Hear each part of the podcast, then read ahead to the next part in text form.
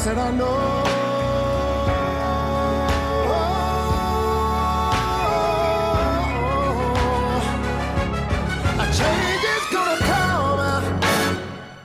Ja, hej och eh, välkomna till ett nytt avsnitt av Skokonomics och idag har vi med oss en eh, gäst och det är ingen mindre än Martin Hoveberg som är, eh, är du chefsekonom på Hyresgästföreningen, heter det så? Stämmer bra. Eh, så har vi två chefsekonomer här då, idag. Och eh, då så kan ni ana ämnet också som kommer att röra sig kring marknadshyrorna igen, som ju är en superaktuell debatt. Jag heter Jenny Lindahl och så har jag med mig Sandro Scocco också som eh, ja, inte får en bra presentation den här gången då, för det, vi kör varannan gång bra presentation, varannan gång dålig.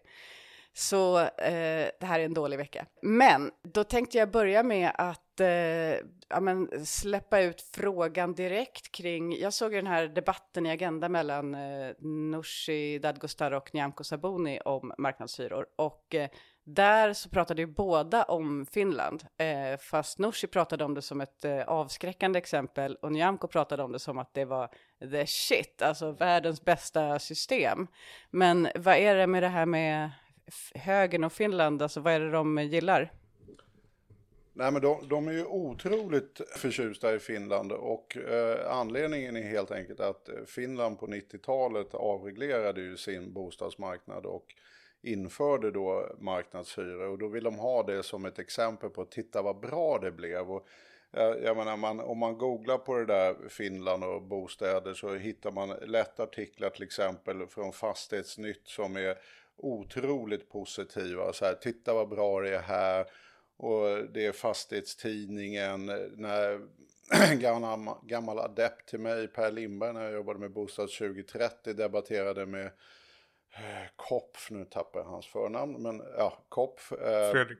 Fredrik Kopf. Eh, så vet, lyfte också Kopf i en replik på hans artikel. Eh, men titta på Finland, allting är ju fantastiskt bra där. Så att det har ju liksom blivit något sådär bevis för högern att det här är inte alls en dålig idé. Om vi gör som Finland och inför eh, marknadshyror så kommer allting bli den bästa av världar i Voltaires termer. Eh, och, och det där tycker jag är lite kul därför att eh, då kan man ju faktiskt göra det, ta en titt på Finland och se vad det är som egentligen har hänt. Så att det är väl det jag tänkte att det skulle vara kul om den här podden faktiskt redde ut. Vad, vad är detta högerparad-exempel på bostadsmarknad för typ av bostadsmarknad? Mm, och då är det tur att vi har dig med oss, Martin. Mm. Eh, men kan du börja med att eh, liksom reda ut lite vad, hur systemet ser ut då? Absolut. Eh, alltså Finland, precis som Sverige, så byggde man ju upp den bostadspolitik som sen blev rådande. Det byggde man upp efter kriget. Eh, men man valde till skillnad från Sverige att, att en så kallad dualistisk modell, det vill säga en modell för den privata sektorn och en för den offentliga. Så att, så att eh, redan där hade man en annan ingång och den statliga eller den offentligt ägda bostadssektorn den skulle rikta sig till de mest behövande, alltså låginkomsthushåll och de som har behov som inte kan tillgodoses på den ordinarie marknaden. Det var liksom inriktningen från början. Medan vi i Sverige, som vi ju alla vet då, eh, valde en mer generell modell. Så att redan där så gör man någonting annat. Men man väljer att eh, staten ska vara den som är en stor finansiär. Det, precis som i Sverige, väljer man i Finland. Eh, och man väljer en, en statligt reglerad hyra. Eh, som då, eh, precis som i Sverige har vi den tiden, det vill säga efterkrigstid så har vi en, en, reglerad hyra och det har de också. Eh, sen det som gör att då eh, liberala krafter tycker om Finland så mycket, det är ju för att de gör, precis som Sandra var inne på, de gör den här avregleringen i början på 90-talet och de gör den i tre steg. Så man börjar 1991 eh, och eh, avreglerar nyproduktionen precis som, eh, som nu ligger på bordet. Då. Eh, och det, man ska säga det att den, den reglering man har i Finland, den, den är ju mycket, mycket skarpare än den svenska. Så I Sverige har vi ett förhandlingssystem och bruksvärdessystem som ju är någon sorts mellanting mellan marknad och statlig reglering. Det har man inte i Finland, utan där är den klassiska statliga hyresregleringen. Så att eh, den försvinner då i nyproduktion 1991 och 92, eller då fattas beslutet och sen 92 då. Och sen så tar man nästa steg i ledigblivna lägenheter, det vill säga när kontrakt eh, avslutas, när någon flyttar ut. Eh, och då blir lägenheten ledig och då blir det marknadshyra i den lägenheten. Och sen tar man det sista steget 1995 och det är då alla lägenheter. Så under fem års period så har man avreglerat hyresmarknaden. Och detta sker i en, en lågkonjunktur. Eh, det är väl det som skolboken säger, om man ska göra saker på, på marknaden så ska man göra det när det inte är hett. Eh, för att då är det inte samma tryck på marknaden. Trots detta då, så blir det, eh, eh, perioden efter så blir det eh, hyreshöjningar på 42 procent över en femårsperiod i Helsingfors, så 96 till 2000. Och i hela eh, Finland så är det eh, runt 30 procent som, som hyrorna höjs då. Eh, och efter det så har man haft en hyreshöjningstakt på mellan 2 och 4 procent årligen liksom. Eh, så att hyrorna har ju gått upp och de har gjort det mer än i Sverige, väsentligt mycket mer. Eh, så det är liksom den ena biten. Ehm, men sen har man ju den andra biten och det är ju den statligt finansierade sektorn som hela tiden finns där. För att till skillnad från i Sverige så avskaffar man inte de här stora statliga subventionerna i början på 90-talet. Det gör ju vi. Mm. Eh, och det är då som, som nyproduktionstakten störtdyker och allt det där. Liksom, finansiering går från stat till det finansiella, eller eh, hushåll och privata företag. Det gör man inte i Finland. Utan tvärtom, det är lågkonjunktur och eh, staten blåser på eh, för att producera mer. Så mellan åren 96 och 2000, det vill säga efter den där avregleringen, då, har man en, eh, då, då finansieras 63% av all bostadsproduktion av staten. För att liksom understödja i den där lågkonjunkturen. Eh, och under samma period i Sverige, då har vi ju en, en anemisk byggtakt. Alltså den är ju jätte, jättelåg. Eh, och i Finland bygger man lika mycket som vi gör under den perioden. Men då ska man komma ihåg att Finland, och det ska vi komma ihåg under hela det här samtalet, att de har hälften av vår befolkning. Så att det är egentligen en dubbelt så hög byggtakt som vi har. Och det är alltså till 63% finansierat av staten.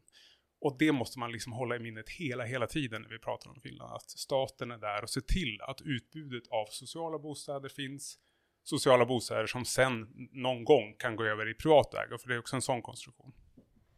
Men det är ju det som är liksom det finska exemplet. Det är ju därför jag tycker att det är lite lustigt så här när, man, när just Liberalerna lyfter upp det. Därför vi, man kan säga att vi har ju en generell bostadspolitik som gör att vi inte har social housing och vi har inte områden som är destinerade till människor med låg inkomst. Det vill säga att du måste visa upp att du inte har eh, mer än en viss inkomst för att överhuvudtaget få bo där. Det är liksom det, det är ju en avsiktlig segregering så att säga. Och, att, och det är ju någonting vi egentligen försöker bekämpa. Att vi vill ju inte att bostadsmarknaden ska vara segregerad. Och då är naturligtvis metoden att förbjuda alla som har över en viss inkomst att bo i ett område är kanske inte den mest lysande idén. Men det här är ju just det som alla länder råkar ut för. Att om du ska ha en, en marknadsdel på bostadsmarknaden så måste du alltid komplettera den med en oerhört hård reglerad del som är social housing. Så man kan säga att Liberalernas föreställning om att marknaden löste det finska problemet är ju väldigt tagen ur luften. Utan det här handlar ju om att staten har bestämt sig för att väldigt hårt reglera en del och finansiera en del utav bostadsmarknaden och sen släppa en annan del fri. Vi har ju en mycket lightare reglering som eh, Martin var inne på. Att vi har ju liksom en reglering som gäller hela marknaden men som bygger på parter som förhandlar. Vi har ju ingen sån hyresreglering som Finland hade och avskaffade. Att typ hyran ska bli så här mycket. Uh, och det är ju det som man kan säga gör att det här är ju inte ens en liberalisering. Alltså, vet, att, att gå ifrån ett system som har en, en halv eh, hård reglering eh, till ett system som i ena sektorn har en stenhård reglering och den andra sektorn är helt fri. Huruvida man anser att det ena systemet är mer liberalt än det andra, huruvida man tycker att nej men det är jättebra därför det är nästan hälften. Alltså Finland ligger väl, jag tror det är 40 procent någon som är den här typen av då vad, vad de kallar för ARA-bostäder som är då eh, subventionerade utav staten och har de här sociala då, eh, målsättningarna. Och det är ungefär samma till exempel när jag tittade på Belgien och var i debatt med Jonung, att det ligger där någonstans liksom. Och det här gör ju det att, ja, liksom varför införa en marknad när du per automatik helt enkelt får med dig också att du då måste stenhårt reglera en annan del utav den som nästan är hälften. Så att jag, jag, jag tycker det här, jag, jag, har svårt att se det här som en liberalisering. Där kan man ju citera Milton Friedman. Han, han tyckte ju social housing var en katastrof och värdelöst. Eh, men han var ju också väldigt fundamentalistisk därför han tyckte att allt skulle vara marknad. Men då vet ju alla länder att då kommer å andra sidan inte människor ha någonstans att bo. Så att det finns ju liksom inte ett enda land som har valt den lösningen. Men då, alltså då är det ju två delar av det här finska systemet egentligen. Det ena handlar om den, den helt marknadsstyrda bostadssektorn och hur den funkar och den andra handlar om den här statligt styrda delen. Eh, men då, då växer ju många frågor om hur den, eh, alltså hur var och en av de här delarna funkar i Finland. Eh, om, jag, om, jag, om vi börjar med den här reglerade eh, social housing-sektorn och så. Vad, vad är konsekvenserna? Alltså hur, det måste ju bli eh, det måste ju vara så att boendet ser då annorlunda ut i Finland. Alltså jag tänker på sånt som segregation eller eh, kostnader och allt sånt där. Alltså hur, hur funkar den delen? Den delen eh, funkar ju genom, eh, alltså det kan vara olika aktörer som bygger de här. Det är inte en aktör som bygger arabostäder, utan det, det finns eh, flera. Eh, men de har det gemensamt att, att hyressättningen i de där är ganska kringgärdad av olika regler. Och det är ju någon sorts självkostnadsprincip om man ska sammanfatta det hela som är liksom eh, den rådande principen. Det vill säga man ska inte ta ut vinst utan det är vad det har kostat att, att hålla och förvalta det där beståndet som, som får vara vägledande för hyressättningen. Allmännyttans gamla princip. Allmännyttans gamla princip i Sverige, precis. Um, så att det är ju uh, det som vägleder och uh, sen så finns det uh, huruvida det är bättre eller sämre standard i det beståndet. det vågar jag inte svara på. Däremot så är det ju ganska mycket av det finska beståndet som en gång har varit det här. Så att det, det, det, finansieringsprincipen har ju gjort att eh, man har fått ut extremt mycket av de här bostäderna på marknaden. Så man bygger inte medvetet sämre bostäder, det är inte liksom den typen av princip. Sen kan man ju då fråga sig hur, hur, hur ser det ut med, precis som du är inne på Jenny, hur ser det ut med, med segregationen? Eh, när man har ett visst bestånd som är riktat mot en viss grupp. Ja men det är klart att den förstärks ju av det. Eh, och det där kan man ju förstås återigen då alltid resonera om. Ja, men har man sprängt in det i ett visst område, här har vi det här rika området, så spränger man in några bostäder. Det blir ju dock ändå den där fastigheten. Så blir det ju alltid eh, med den typen av konstruktioner. Men så att eh, sammanfattande så på frågan, det är eh, självkostnadsprincip och det är ganska mycket regler för att komma in i det här beståndet. Och det är därför också är ganska stora köer till det här beståndet, för att behovet eh, uppfylls inte. Men det är det här som är, det här tycker jag är ja, nästan underhållningsvärde på den argumentation som ja, till exempel Jonung förde i den här debatten som Kopf som fastighetsnytt för att Finland är underbart eh, därför att man kan bara gå in på en sajt och då får du en hyreslägenhet på fem minuter typ du kan välja som fastighetsnytt då skriver du kan välja nästan vilken gata du vill bo på och du får den direkt. Va?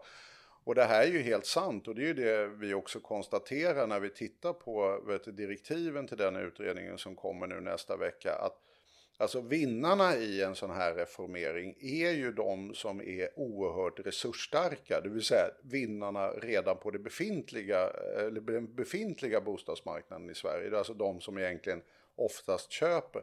Att ja, både i Belgien och andra länder som har ett stort marknadssegment, även New York ärligt talat om man nu skulle vilja åka dit. Eh, ja, men då kan man få en hyreslägenhet väldigt snabbt och enkelt. Men Problemet är ju till exempel då i Bryssel som har då den här liknande konstruktionen. Då var det ju tio års kötid för att få en rimligt prissatt bostad. Och eh, Finland här så såg jag att eh, kön i, vet du, det är ungefär 100 000 hushåll som står i kö till ARA-bostäder och kötiden är någonstans sju år.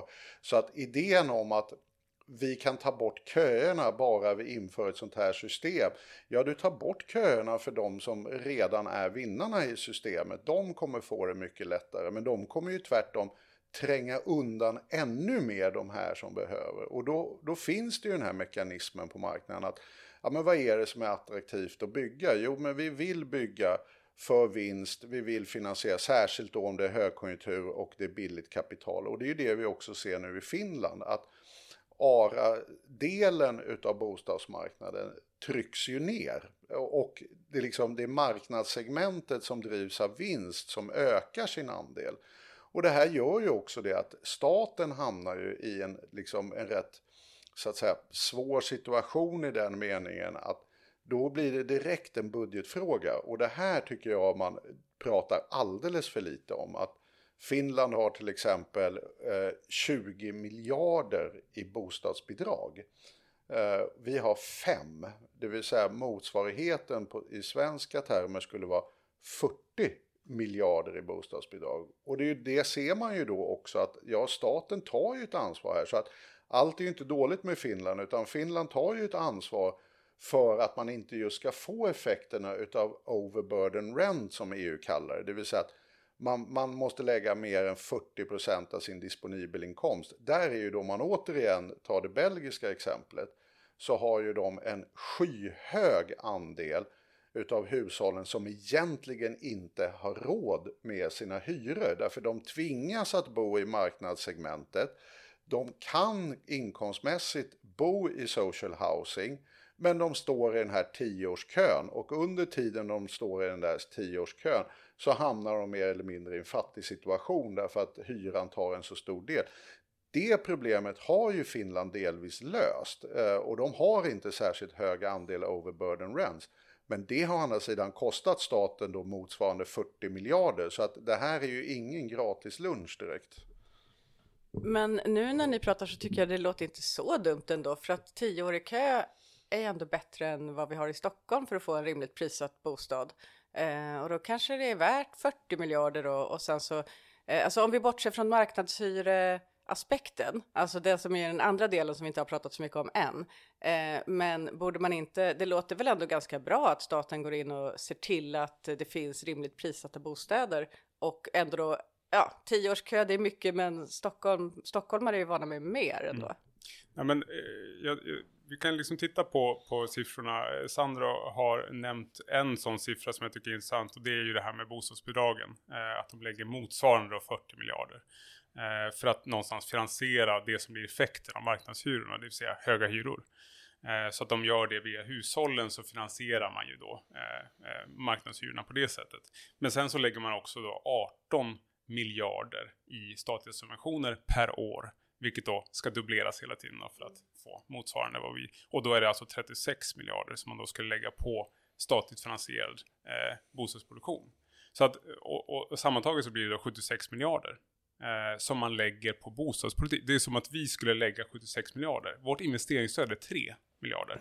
Och bostadsbidraget är 5, ja. Eh, lägger man till bostadstillägget då för pensionärer då är det uppe i 10. Men även då så är det ju väldigt, väldigt lite pengar vi lägger på detta om man jämför med Finland. Och nu kommer jag till din mm. fråga Jenny. Eh, vad, eh, alltså någonstans, vi tycker ju också att vi ska lägga mer pengar. Vi tycker att vår bostadspolitik är underfinansierad. Och det gör att vi får ett för lågt byggande. Det gör att vi får grupper som inte hamnar, alltså som hamnar utanför bostadsmarknaden. Så att i, i mångt och mycket gör ju Finland mycket rätt där. Vi har ju tittat på, på deras finansieringskonstruktion när vi la fram vårt förslag för hur bostäder ska finansieras i Sverige. Men med skillnaden att vi vill inte ha det till ett social housing-bestånd, vi vill ha det till alla. Men så att, så att Finland gör mycket rätt tycker jag.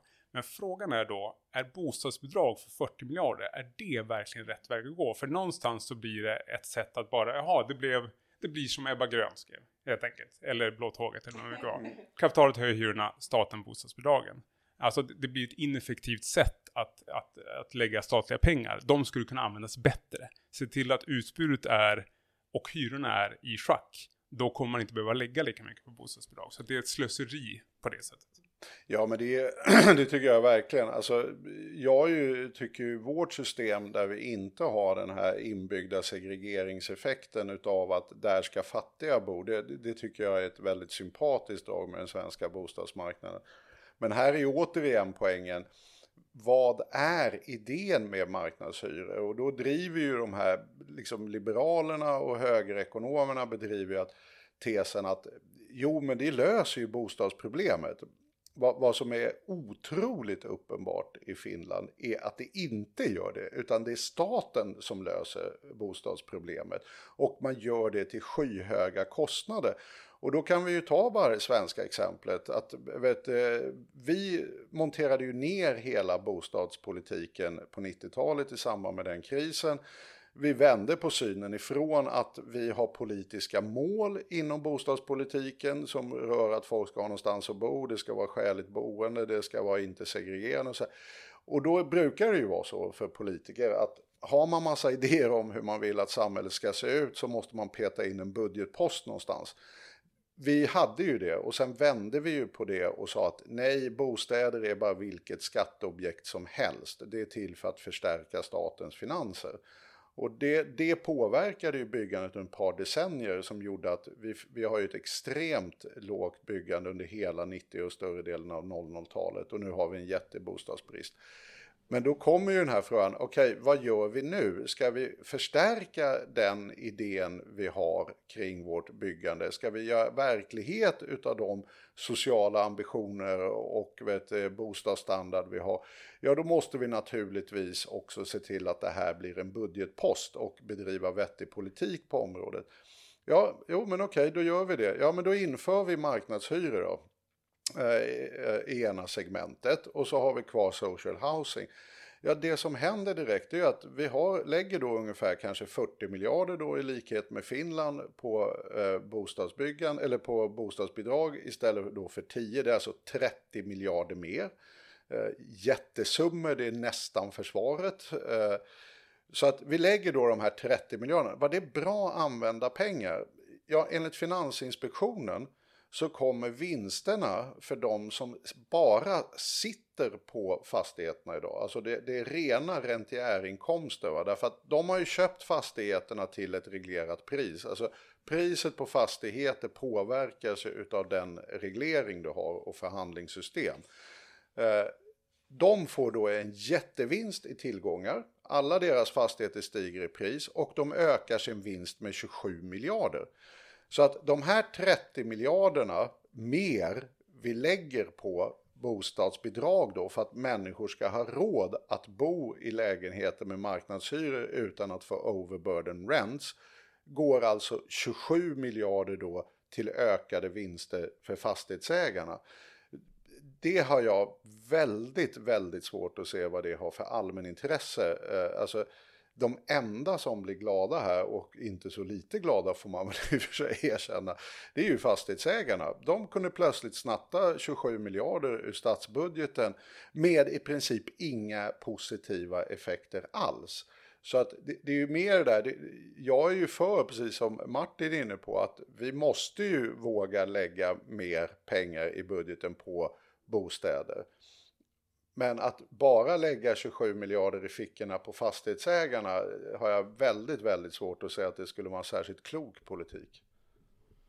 Men eh, det är väl inte så lätt att äga fastigheter, alltså mycket lampor som går sönder och måste måla om och sådär. Jag kan väl men eh, eh, vi har konstaterat det förut här i eh, podden att, alltså att det är ett ganska smalt särintresse vi pratar om. Om man, om man kollar på andra delar av januariavtalet till exempel så är det ju liksom större, alltså arbetsgivarorganisationer, alltså Almega, alla möjliga som liksom trycker på. Eh, här, så, här finns det ju liksom, i den här frågan så upplever jag inte att det finns egentligen några andra än fastighetsägarna som verkligen, verkligen driver på och då Liberalerna.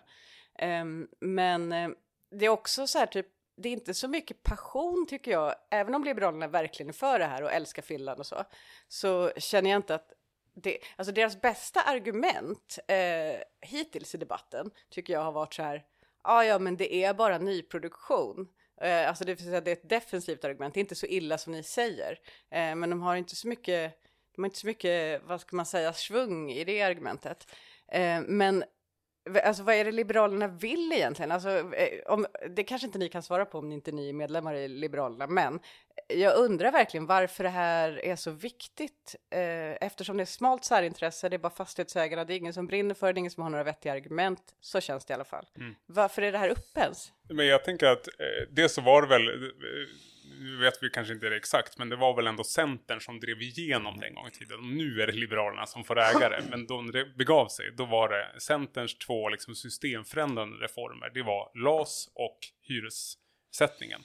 Eh, och det är ju kanske inga kioskvältare, men det är sånt som man vill göra om man vill förändra system långsiktigt. Eh, och det är ju Centern, eh, i alla fall Centerns ledning, ganska besjälad av att göra.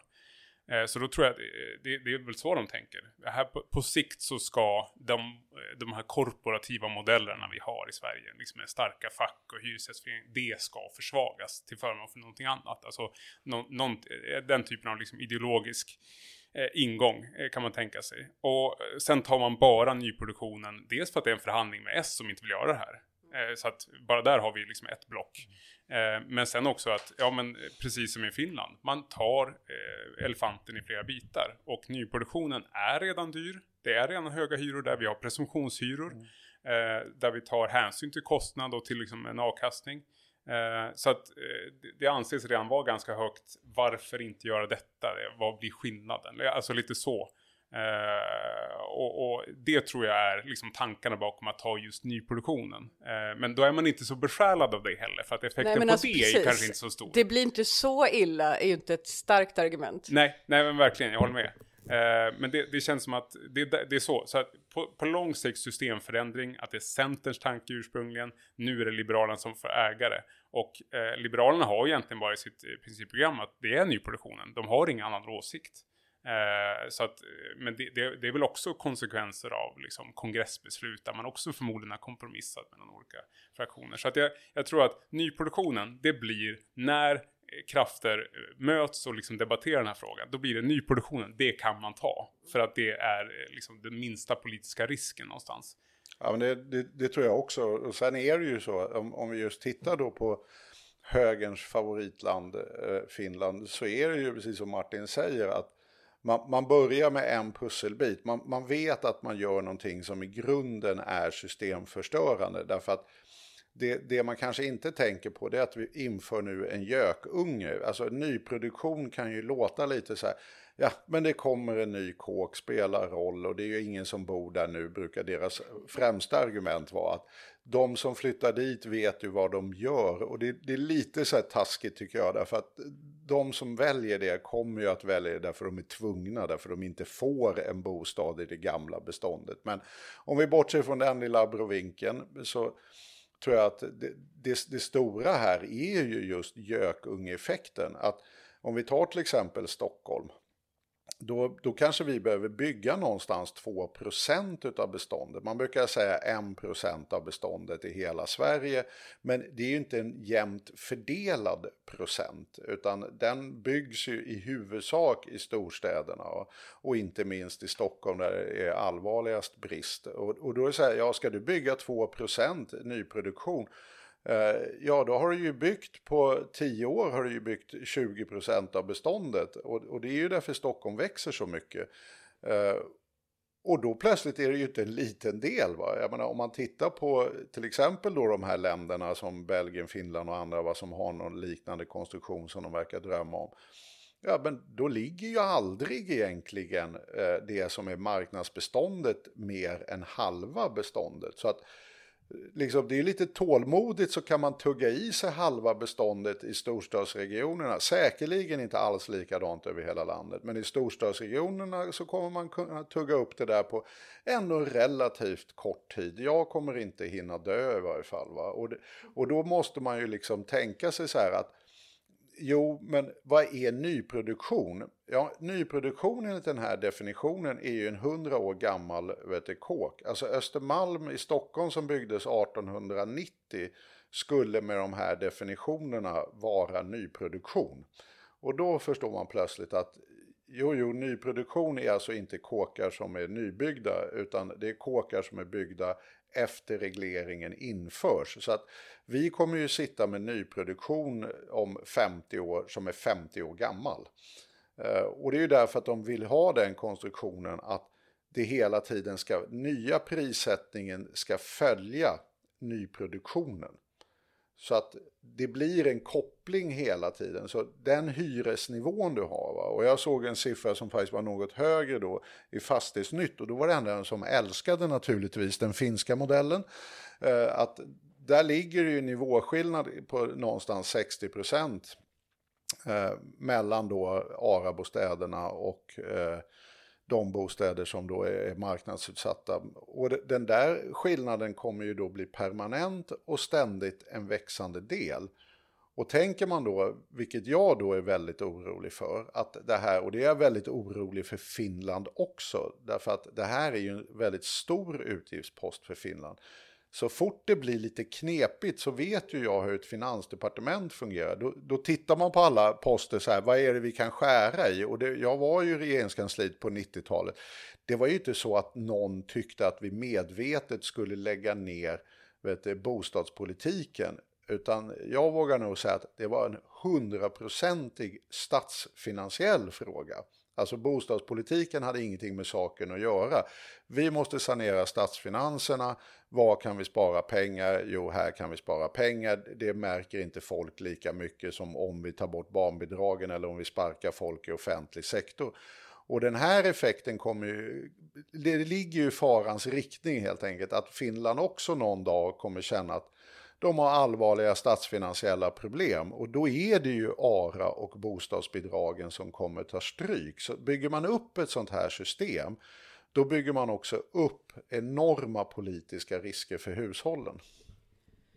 Men nu är jag förvirrad eh, över det här du säger om hundra, vadå att hundra år gammal eh, vem säger att hundra år gammal, gamla hus ska, ska vara nyproduktion? Vilken definition? Jag fattar inte alls nu. Eh, nej men de säger ju att det bara gäller nyproduktion. Alltså det, det, som vi producerar efter ett visst datum ska ha då det de kallar för fri hyressättning.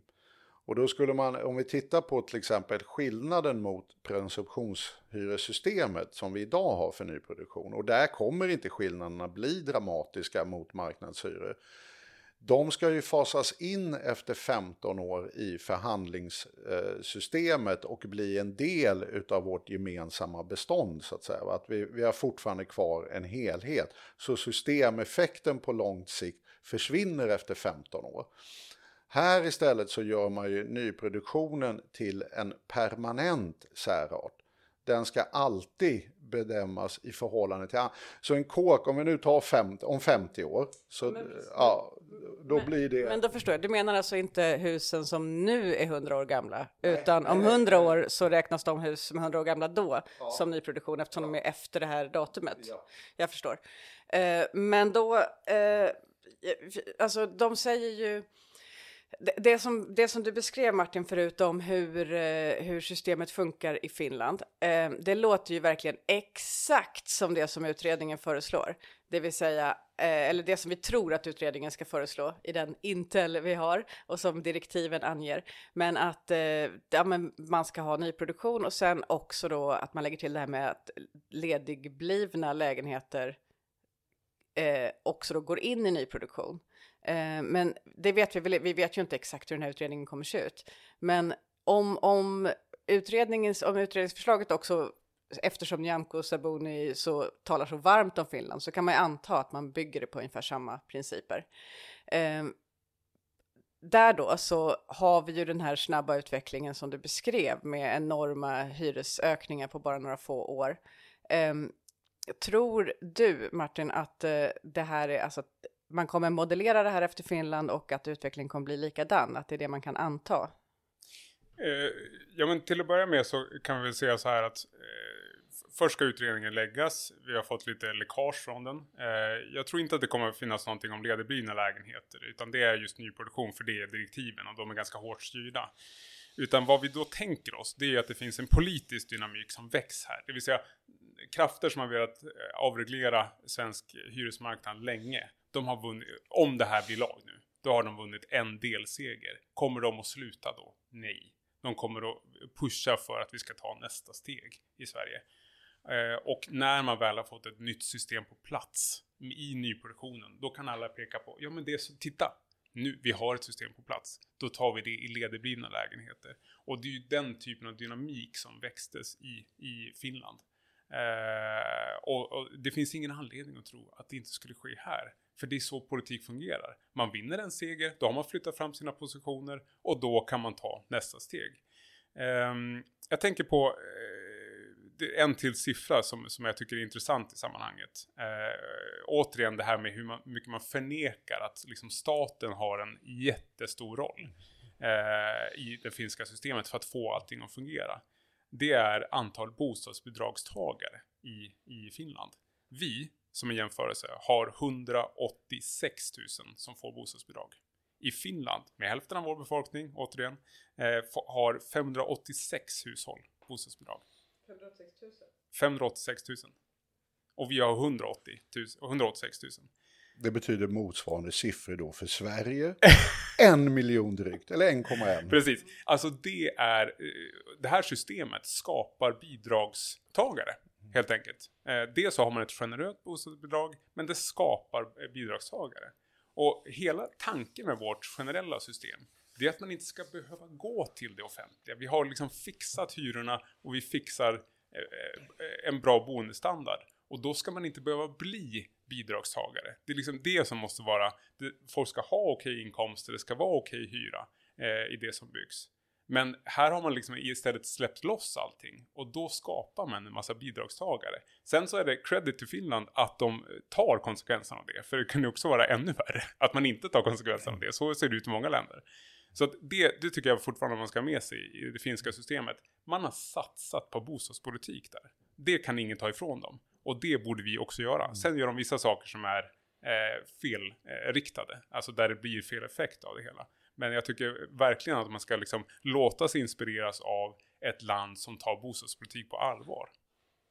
Ja men det är dessutom, jag kommer ihåg när jag var i debatt med Finanspolitiska rådet på IVA om de hade släppt en rapport. Jag, jag tyckte det var, det var rätt underhållande faktiskt därför att hur genomför vi marknadshyror och de, de hade då och då, då talar ju de om hela beståndet. Eh, och, vet, och då hade de ju massa eleganta idéer om att man skulle ta ut någon skatt ifrån fastighetsägarna och så vidare och försöka mildra effekterna. Så allting gick ut på att mildra effekterna.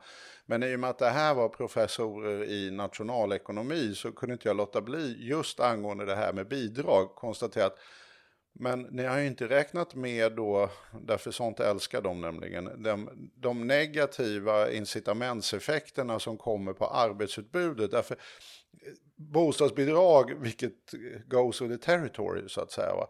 måste ju vara inkomstprövande. Ja. Alltså bostadsbidrag är ju inte barnbidrag. Va? Här får ni allihopa ett bostadsbidrag, även om det nu skulle vara en miljon i Sverige, eller drygt en miljon i Sverige. Men ändå så är det ju inte så, utan det, det är ju ett inkomstprövat. Och får du ett inkomstprövat bidrag, då kommer ju din, eh, lön, din disponibel inkomsteffekt, om vi nu ska vara lite tekniska, det vill säga vad du de facto har i plånboken, inte bli så stor utav att du till exempel går från arbetslöshet till eh, jobb eller att du får en, en lönehöjning. Därför att får du ökade inkomster vid en viss nivå, då måste ju då så att säga bostadsbidraget minska med motsvarande mängd. Va? Så att du får då så kallade höga marginaleffekter på inkomstökningar.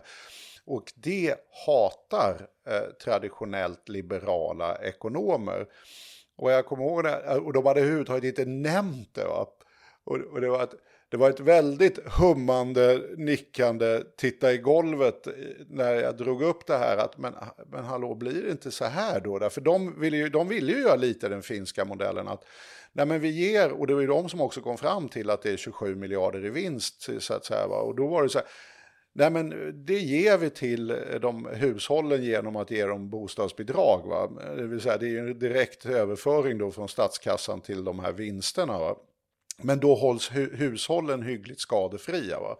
Men eh, det är ju det också då att ja men då får du ju massa andra effekter och det blir ju lite som du var inne på Jenny. Det är så här, oh, det är inte så här jättedåligt så jag ställde ju frågan rakt ut därför det blir ungefär eh, liksom, det här systemet verkar ju faktiskt inte vara jättebra att införa. Och, och då hade de inte förklarat med ett enda ord varför de vill införa. Utan utgångspunkten var hur inför vi marknadshyror? Och, och, det är liksom, det är en utgångspunkt man kan ha. Så kan man bli jätteteknisk kring det. Att vi skulle kunna höja det där, vi skulle kunna ta ut skatten där, vi skulle kunna fixa. Men de ju, glömde just den där frågan, varför? Och då är det ju lite som du var inne på, Jenny. Ja, men det är väl inte så farligt, vi, vi kan fixa till det här. Men okej, okay, det leder inte till ökat byggande, det är typ alla överens om. Eh, det leder till ökad eh, social segregering. Det leder till kraftigt ökade statliga utgifter och det leder till att staten tvingas att kraftigt öka regleringen på bostadsmarknaden. Konstigt nog utav en, då en liberalisering. Va?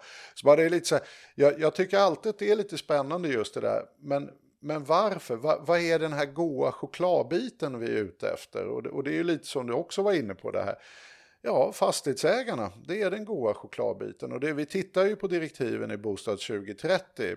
Och vi kunde ju inte hitta någonstans den argumentationslinje som förs i direktiven.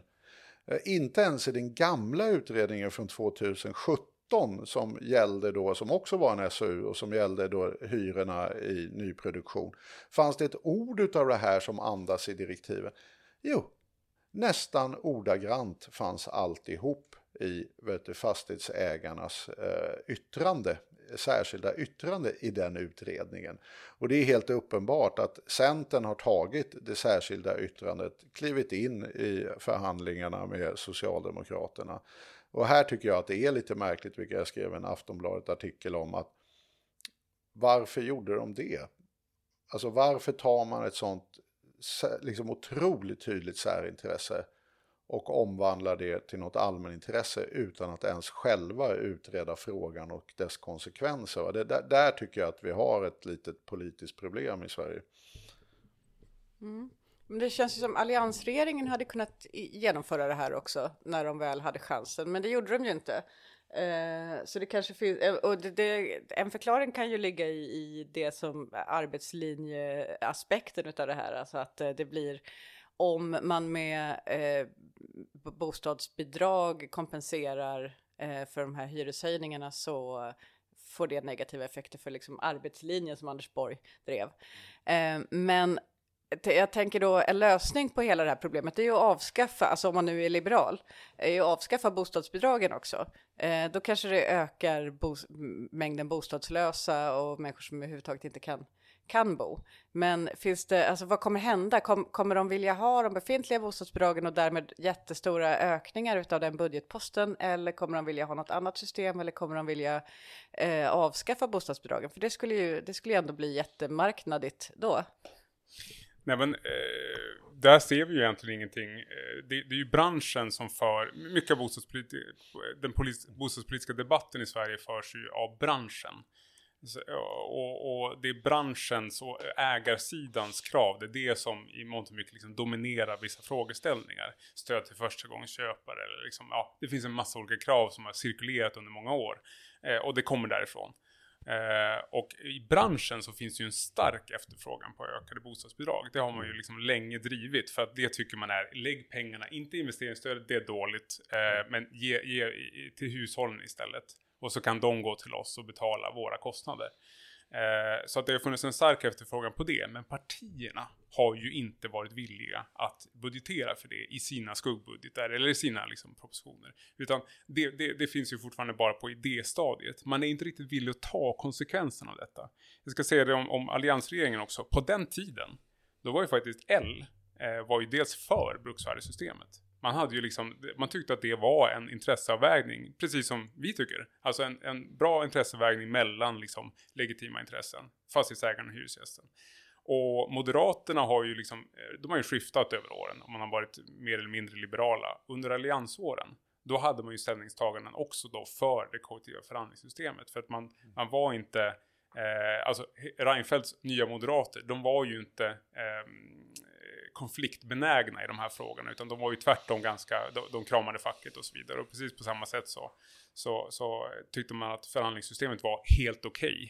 Sen tog man ju fram en utredning under de där åren eh, mot bakgrund av en anmälan till, till EU eh, från fastighetsägarna mot det svenska systemet. Då tog man ju fram den så kallade kockutredningen. Och den skulle ju titta på marknadshyror eh, i, i hela beståndet. Men den hamnade i papperskorgen.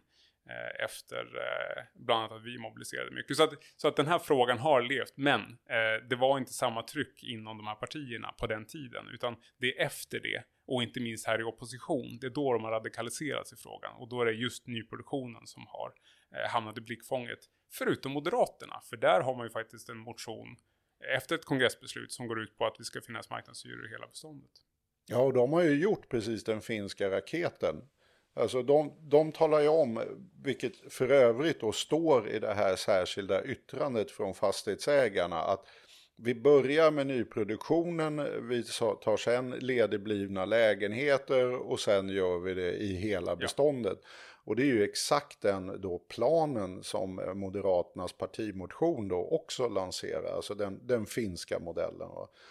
Det, det jag tycker är så eh, fantastiskt ohedligt i hela den här diskussionen är ju just att man aldrig diskuterar systemeffekterna. Att man låtsas, inte minst i den moderata partimotionen, att man kan göra det där utan att hamna i en situation där man måste ha de här ARA-bostäderna vi har i Finland. Att man måste ha de här kraftiga ökningarna utav bostadsbidragen. Så att de, den, partimotionen eh, från Moderaterna som jag läst står ju inte det. Ja, och då omvandlar vi allmännyttan till ARA-bostäder. Vi lägger eh, i runda slängar 40 miljarder på vet, eh, ett investeringsstöd årligen i statsbudgeten och ungefär lika mycket på bostadsbidrag så att vi faktiskt får den finska modellen.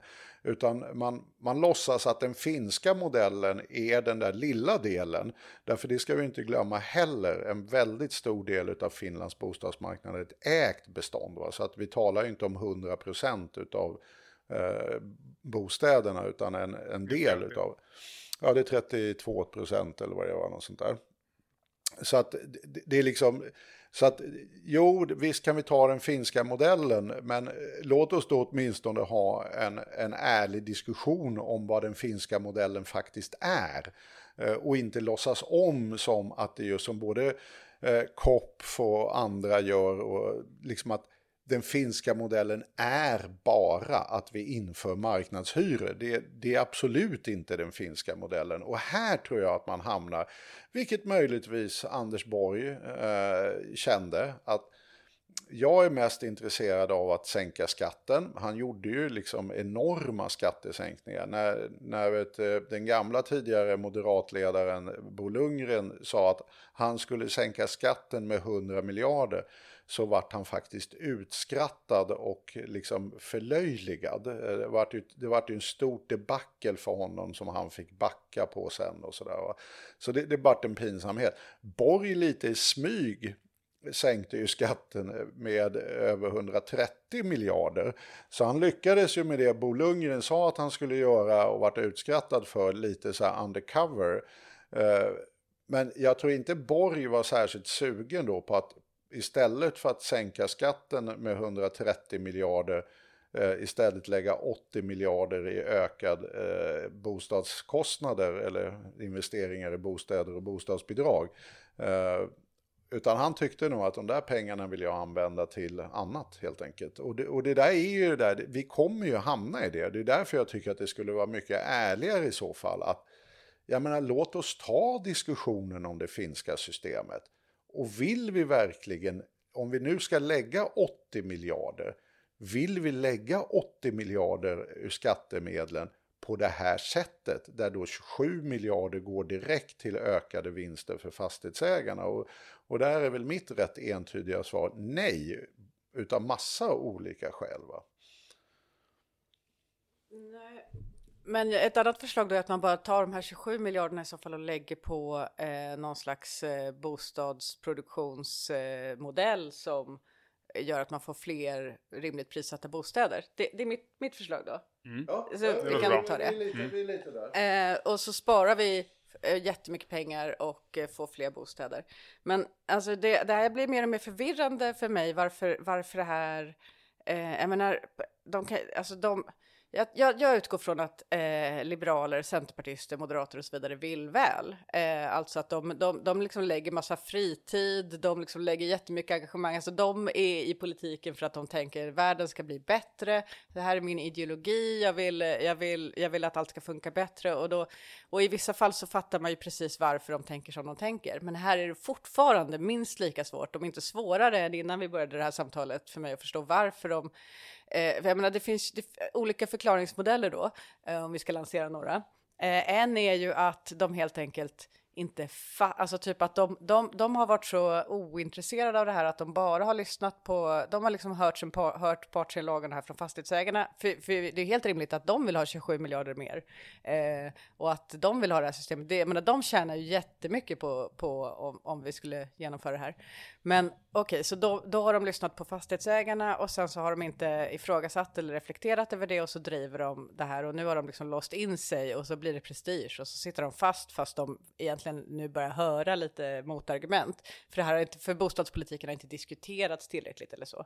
Men det är ju osannolikt också för att om, om jag tänker hur det funkar i partier så är det ju så att man har liksom någon som är bostadspolitiskt ansvarig och den personen är ju ofta väldigt väl insatt i bostadspolitiken. Eh, den måste ju liksom ha hört de här argumenten förut. Så då är frågan så här att okej, okay, de är beredda. En annan förklaringsmodell är att de är beredda att ta de här konsekvenserna för fastighetsägarnas skull så att säga. Eh, att okej, okay, vi men de, då kommer vi öka budgetposten och då kommer vi öka bostadsbidragen och då kommer vi införa eh, system som, som liksom kompenserar för den här hyreshöjningen som blir. Eh, men det finns ju ingenting som tyder på i debatten, det finns liksom inga sådana förslag. Så en tredje förklaringsmodell då är då i så fall eh, att fastighetsägarna har någon slags helt sjuk hållhake.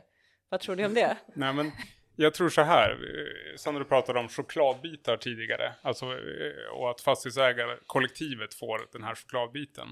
Eh, ja, det är inte därifrån det politiska kapitalet att genomföra detta kommer, eh, utan eh, någon sorts moraliskt imperativ kommer ju från bostadsbrist och att om man flyttar till en stad idag där det är bostadsbrist, då är det många köer för att få en lägenhet.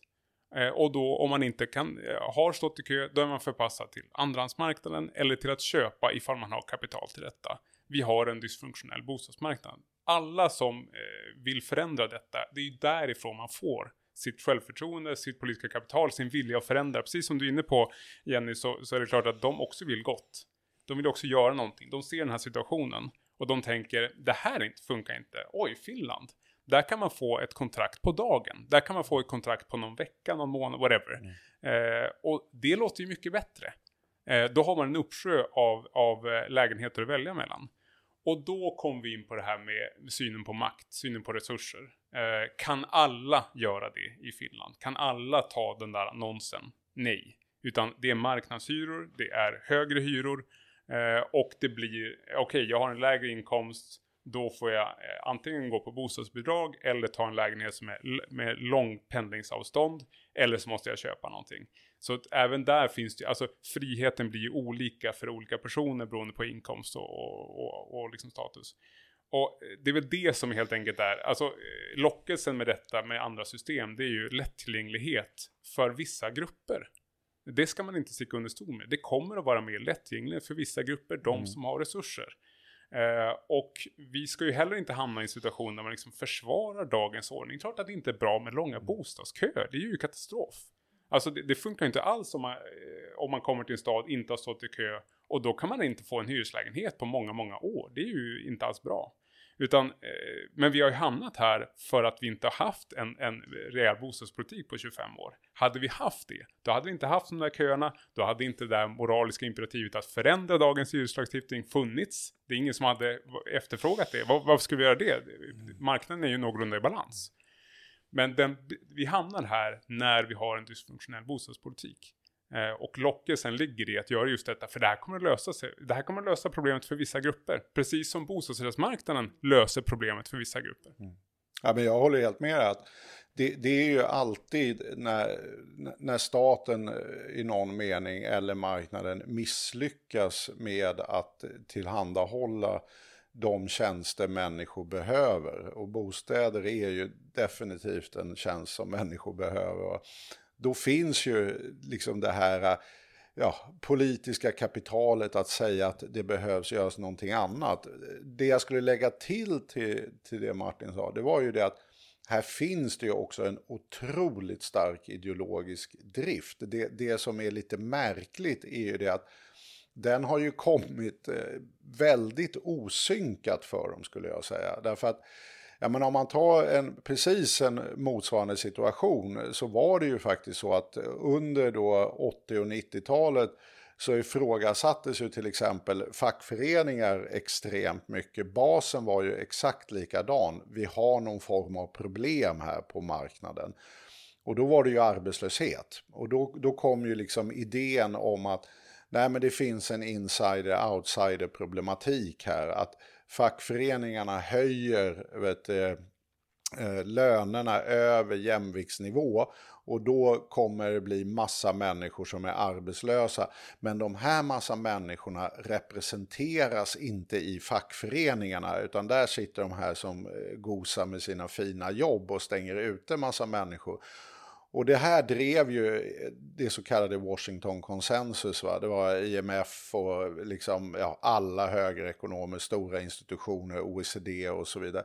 Så då var det ju liksom en enorm drag emot union bashing. Att här gällde det att krossa fackföreningsrörelsen. Men det där var ju 40 år sedan vi, vi drevs av dessa nyliberala föreställningsvärldar.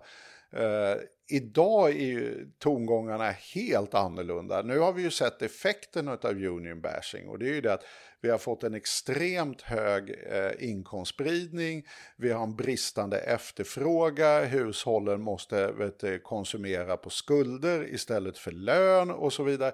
Och det har gjort att hela forskningskollektivet har ju lämnat det här så att IMF sitter ju nu och hyllar fackföreningar och säger vi måste stärka fackföreningarna.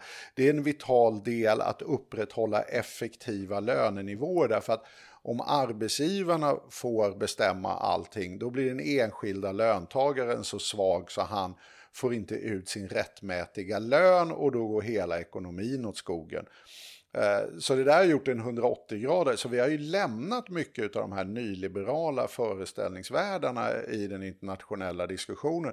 Men här kommer ju precis en sån här nyliberal föreställningsvärld ångande 180, va? det vill säga att vi har ett insider-outsider problem. Att insiderna vill inte att hyrorna höjs, men då får å andra sidan inte outsiderna den här nyproduktionstakten eh, som de behöver.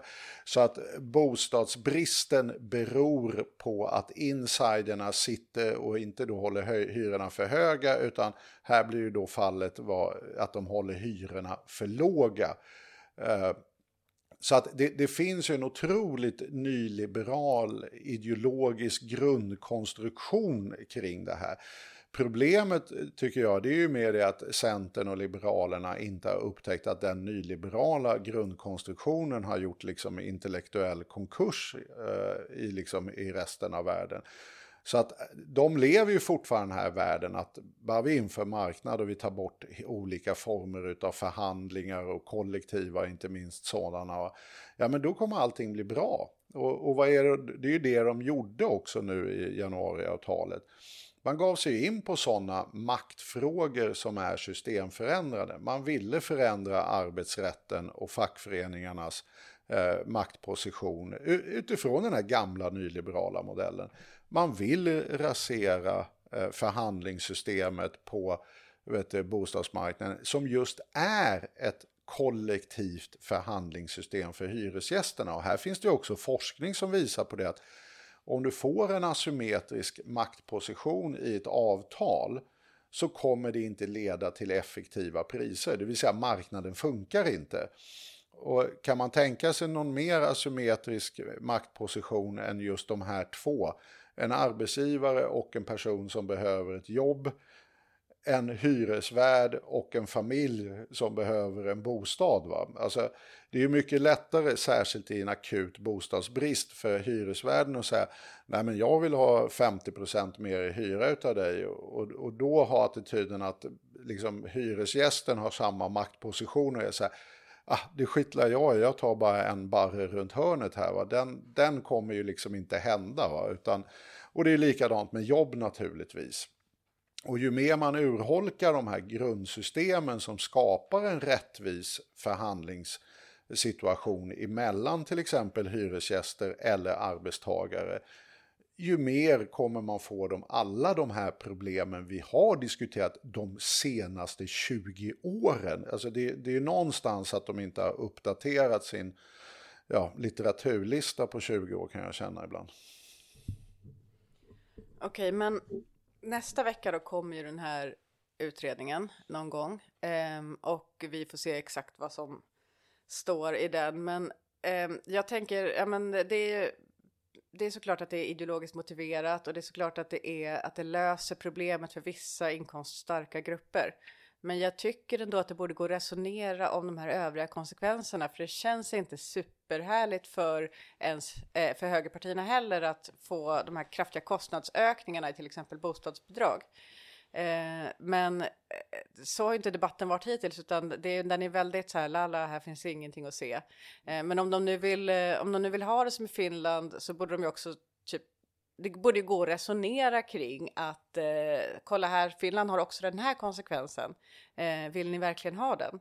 Eh, Martin, du som har hållit på med de här frågorna, hur, hur alltså, går det att resonera med januaripartierna om det här tror du?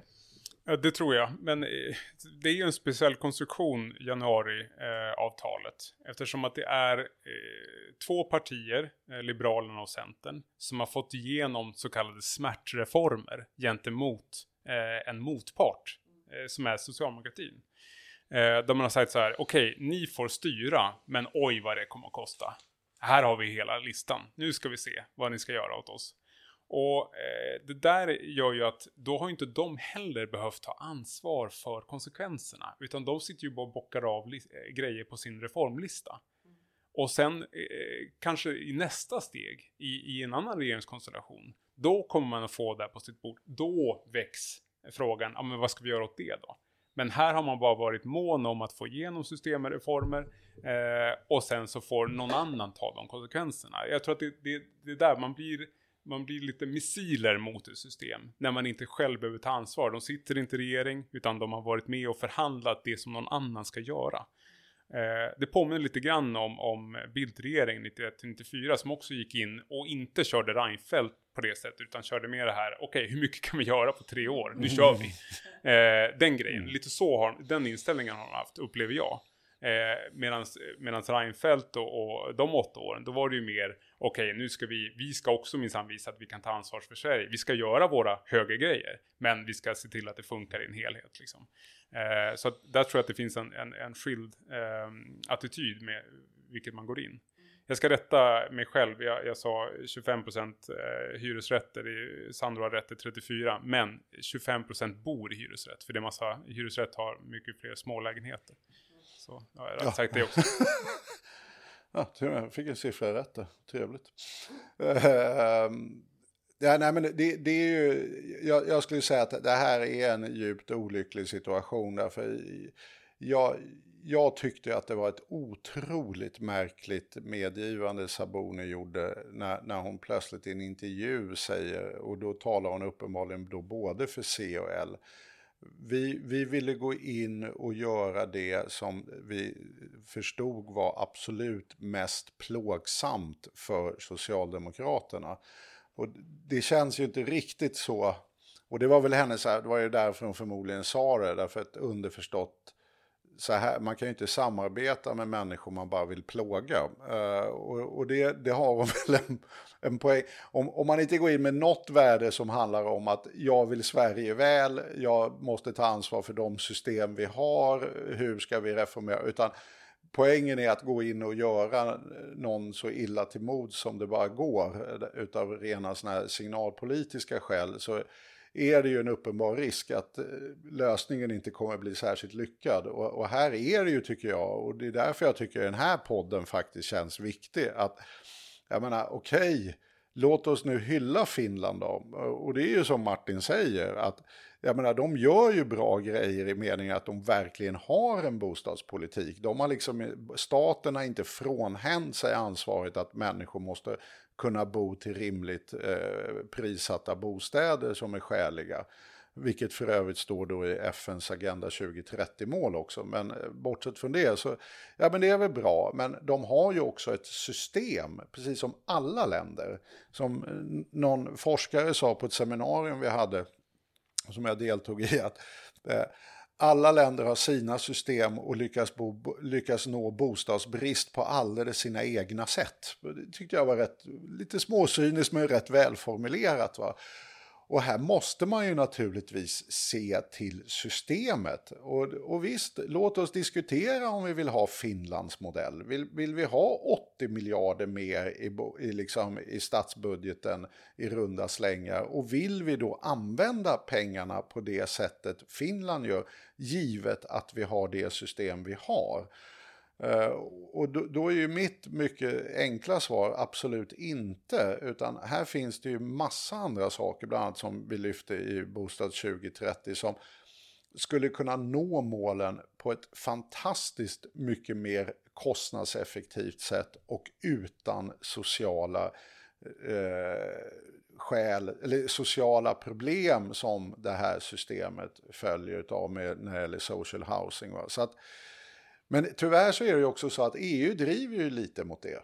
Alltså EU tycker att social housing är rätt trevligt. Så att om du vill subventionera bostäder till låginkomsttagare, eh, gör gärna det. Och då kan man just göra ett ARA-system. Men att ha vår modell av en generell bostadspolitik där parterna förhandlar, det, det förstås inte liksom EU riktigt på. Och men det går nog att runda det också tror jag faktiskt. Så att, ja, låt oss ha en debatt om vad vi ska göra med 80 miljarder och hur vi ska undvika negativa arbetsincitament. Det tycker jag är en bra debatt, men det är ju inte den debatten vi för. Nej, vi ska avrunda det här. Jag tänkte höra om Martin har något sista medskick och sen så eh, tänkte jag ställa en fråga då om, om hur du känner inför nästa vecka och då undrar jag om, om eh, du och eh, eh, kanske ni, ja du behöver inte tala för alla på Hyresgästföreningen, eh, eftersom du inte har kunnat dra den här frågan med dem då. Men känner du eh, hopp, eh, inf A, hopp för att eh, det liksom eh, det måste ändå gå att resonera om det här och de här konsekvenserna måste ju ändå alla förstå att man är, inte vill ha. Och även om, även om, eh, som du säger, man har inte behövt ta konsekvenserna, men jag tänker att Liberalerna och Centerpartiet och så vidare vill väl ändå regera i framtiden. Och då kommer de ju sitta med de här bostadsbidragen och det, så att de kommer ändå fatta det här. Eller känner du B, uppgivenhet. Det här är liksom, det är inlåst i prestigestrider. Det kommer bli så här nu. Nu kommer vi få leva med det här. Eh, förhandlingsrätten är liksom hotad på sikt. Eh, hyrorna kommer bli dyrare. Ja, ja, då blev det så här då. Eller känner du C, beslutsamhet, att här finns det liksom ändå en fråga som många bryr sig om och det går att eh, göra, det går fortfarande att göra någonting åt. Det var väl jättebra alternativ, tydliga. Jag, jag, jag, känner alltid optimism för att jag tror ingenting är förlorat förrän det är det. Eh, och, men jag tar, kommer ändå ta C, beslutsamhet. För att eh, vad vi gör nu eh, på Hyresgästföreningen, det är att vi mobiliserar kring den här frågan. Eh, och vi eh, höjer priset för att, eh, för att göra det här. och det är det vi kan göra. Alltså mobilisera på alla tänkbara sätt, släppa rapporter, organisera våra medlemmar, kontaktar allierade sträcker ut liksom händer till höger och vänster, alla som inte vill se detta.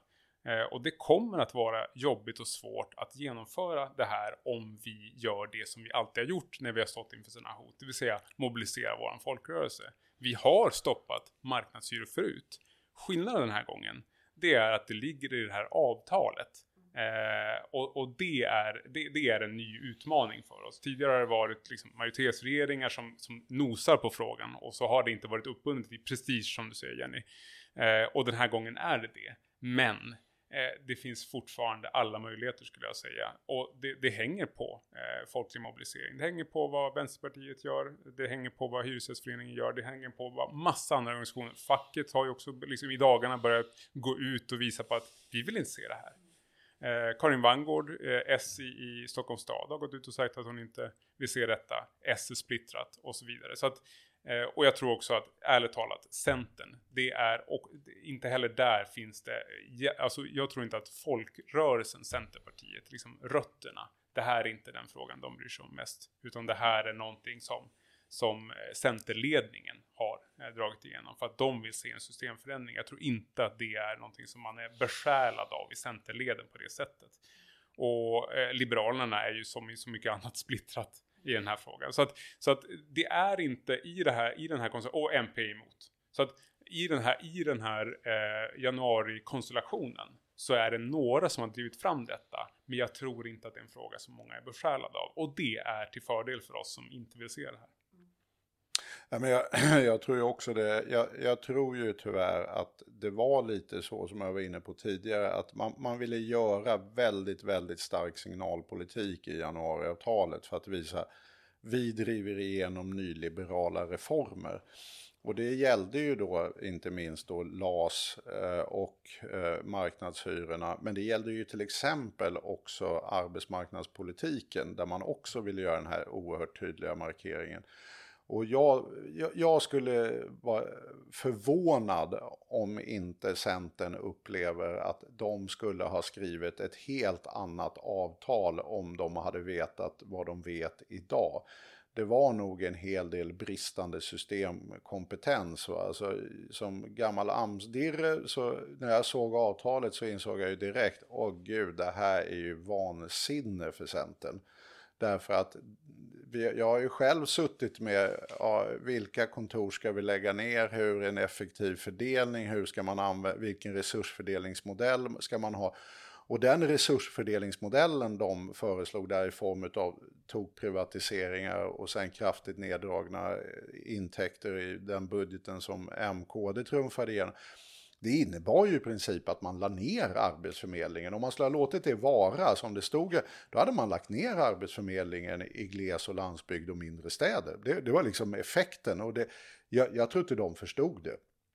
Helt enkelt. Och sen när de förstod det, då, då var de ju arga på Arbetsförmedlingen. Att, var, varför gör ni så här? Och det var ju fullständigt självklart va, att de skulle göra det. Eh, och så har de försökt att backa och nu har ju Centern börjat gnälla på att vet, eh, nej, det var ju M's fel allting som tog bort två miljarder. Jo, hallå, det var ni som röstade på det och ni skrev på januariavtalet efteråt, så det var inte okända stor, storheter. Utan, och jag tror faktiskt att man brände sig på arbetsmarknadspolitiken, man tyckte LAS var väldigt jobbig. Eh, och jag skulle gissa att om de fick börja om så skulle de aldrig ha startat det här med marknadshyror. Men nu är vi här. Uh, och nu blir det som sagt var prestige i frågan. Uh, de känner behov av att visa sig borgerliga och inte bli lurade av sossarna. Därför det är ju det nu, liksom det andra blocket som vi nu de facto har, M, KD, SD, blocket L. De kommer ju driva Därför de är rädda att förlora röster till Centern. Att de här har blivit vänsterpartister, alla centerpartister, och de har blivit lurade på avtalet. De fick inte igenom någonting. Så att nu är vi inne i den här otroligt märkliga stratosfären av politiskt spel. Men min gissning skulle faktiskt vara det. Fick de börja om så skulle de ha tagit andra beslut i många frågor tror jag faktiskt. Ja, och då avslutar vi där. Eh, och var hittar ni oss då om ni vill ta kontakt eller sådär? Jag lämpligast på Twitter. Där kan man hitta den här podden på @skokonomics. Och om ni undrar hur det stavas så ser ni det i er poddläsare, så det är inga problem. Lyssnar ni på det här så borde ni också ha tillgång till själva namnet på podden. Eh, ni kan också hitta Sandro på @skokosandro och eh, ni kan hitta mig på @jennylinp det är alltså Jenny och så ett P på slutet. Eh, lite i onödan. Men eh, ni kan hitta Martin på Hofverberg på Twitter. Eh, och sen undrar jag då Martin också om det är så, har ni någon så här, skulle du vilja passa på att ta det här tillfället i akt och göra reklam för någon liten kampanj eller har ni någon så här, något ställe på er webb på Hyresgästföreningen som ni tycker, du tycker man borde gå in på och kolla? Gå in på hyresgastföreningen.se. Vi håller på med namninsamling mm. mot marknadshyror. Jag tror vi är uppe i 130 000 namn nu och de ska vi lämna över så Bra. Att, eh, gå in där, skriv ja, på. Men då uppmanar jag också alla här eh, att eh, skriva på. Eh, för att det här känns bara för fel. det är onödigt och fel. Eh, Okej, okay. men då kanske vi kan stoppa det då. Vi får väl se hur det går. Nästa vecka blir jätte, jättespännande. Eh, och eh, vi hörs i poddspelaren om två veckor igen. Tack så jättemycket för att du kom hit och förhöjde kunskapsnivån och den allmänna klädstilsnivån här. Tack för att du fick komma.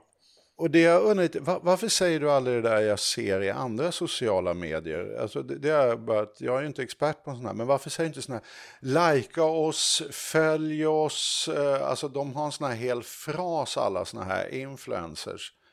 Vi kanske skulle ha Patreon så jag har lärt mig att det finns någonting som heter också. Eller det kanske vi inte ska. Jo, du kan gärna jobba med admin kring det om du vill. men ja, då säger jag det. Lajka, följ oss och ja, ja, det där folk brukar säga helt enkelt. Ja, jag kan också passa på att säga, det finns ju en del, vi har fått in en jätte, liksom, vi har ett par jättespännande och bra mejlfrågor och sånt där. Eh, och eh, våra administrativa resurser i den här lilla podden är, är svagare än vad de var förr. Och därför så eh, liksom ligger man lite efter med det där. Men det betyder inte att vi inte har läst dem och inte har sett dem och inte kanske eventuellt kan i något avsnitt som kommer ta upp lite sådana. Så att ge inte upp på fråga. Eh, tack Martin, tack Sandro, tack Jenny. Vi hörs. Det gör vi.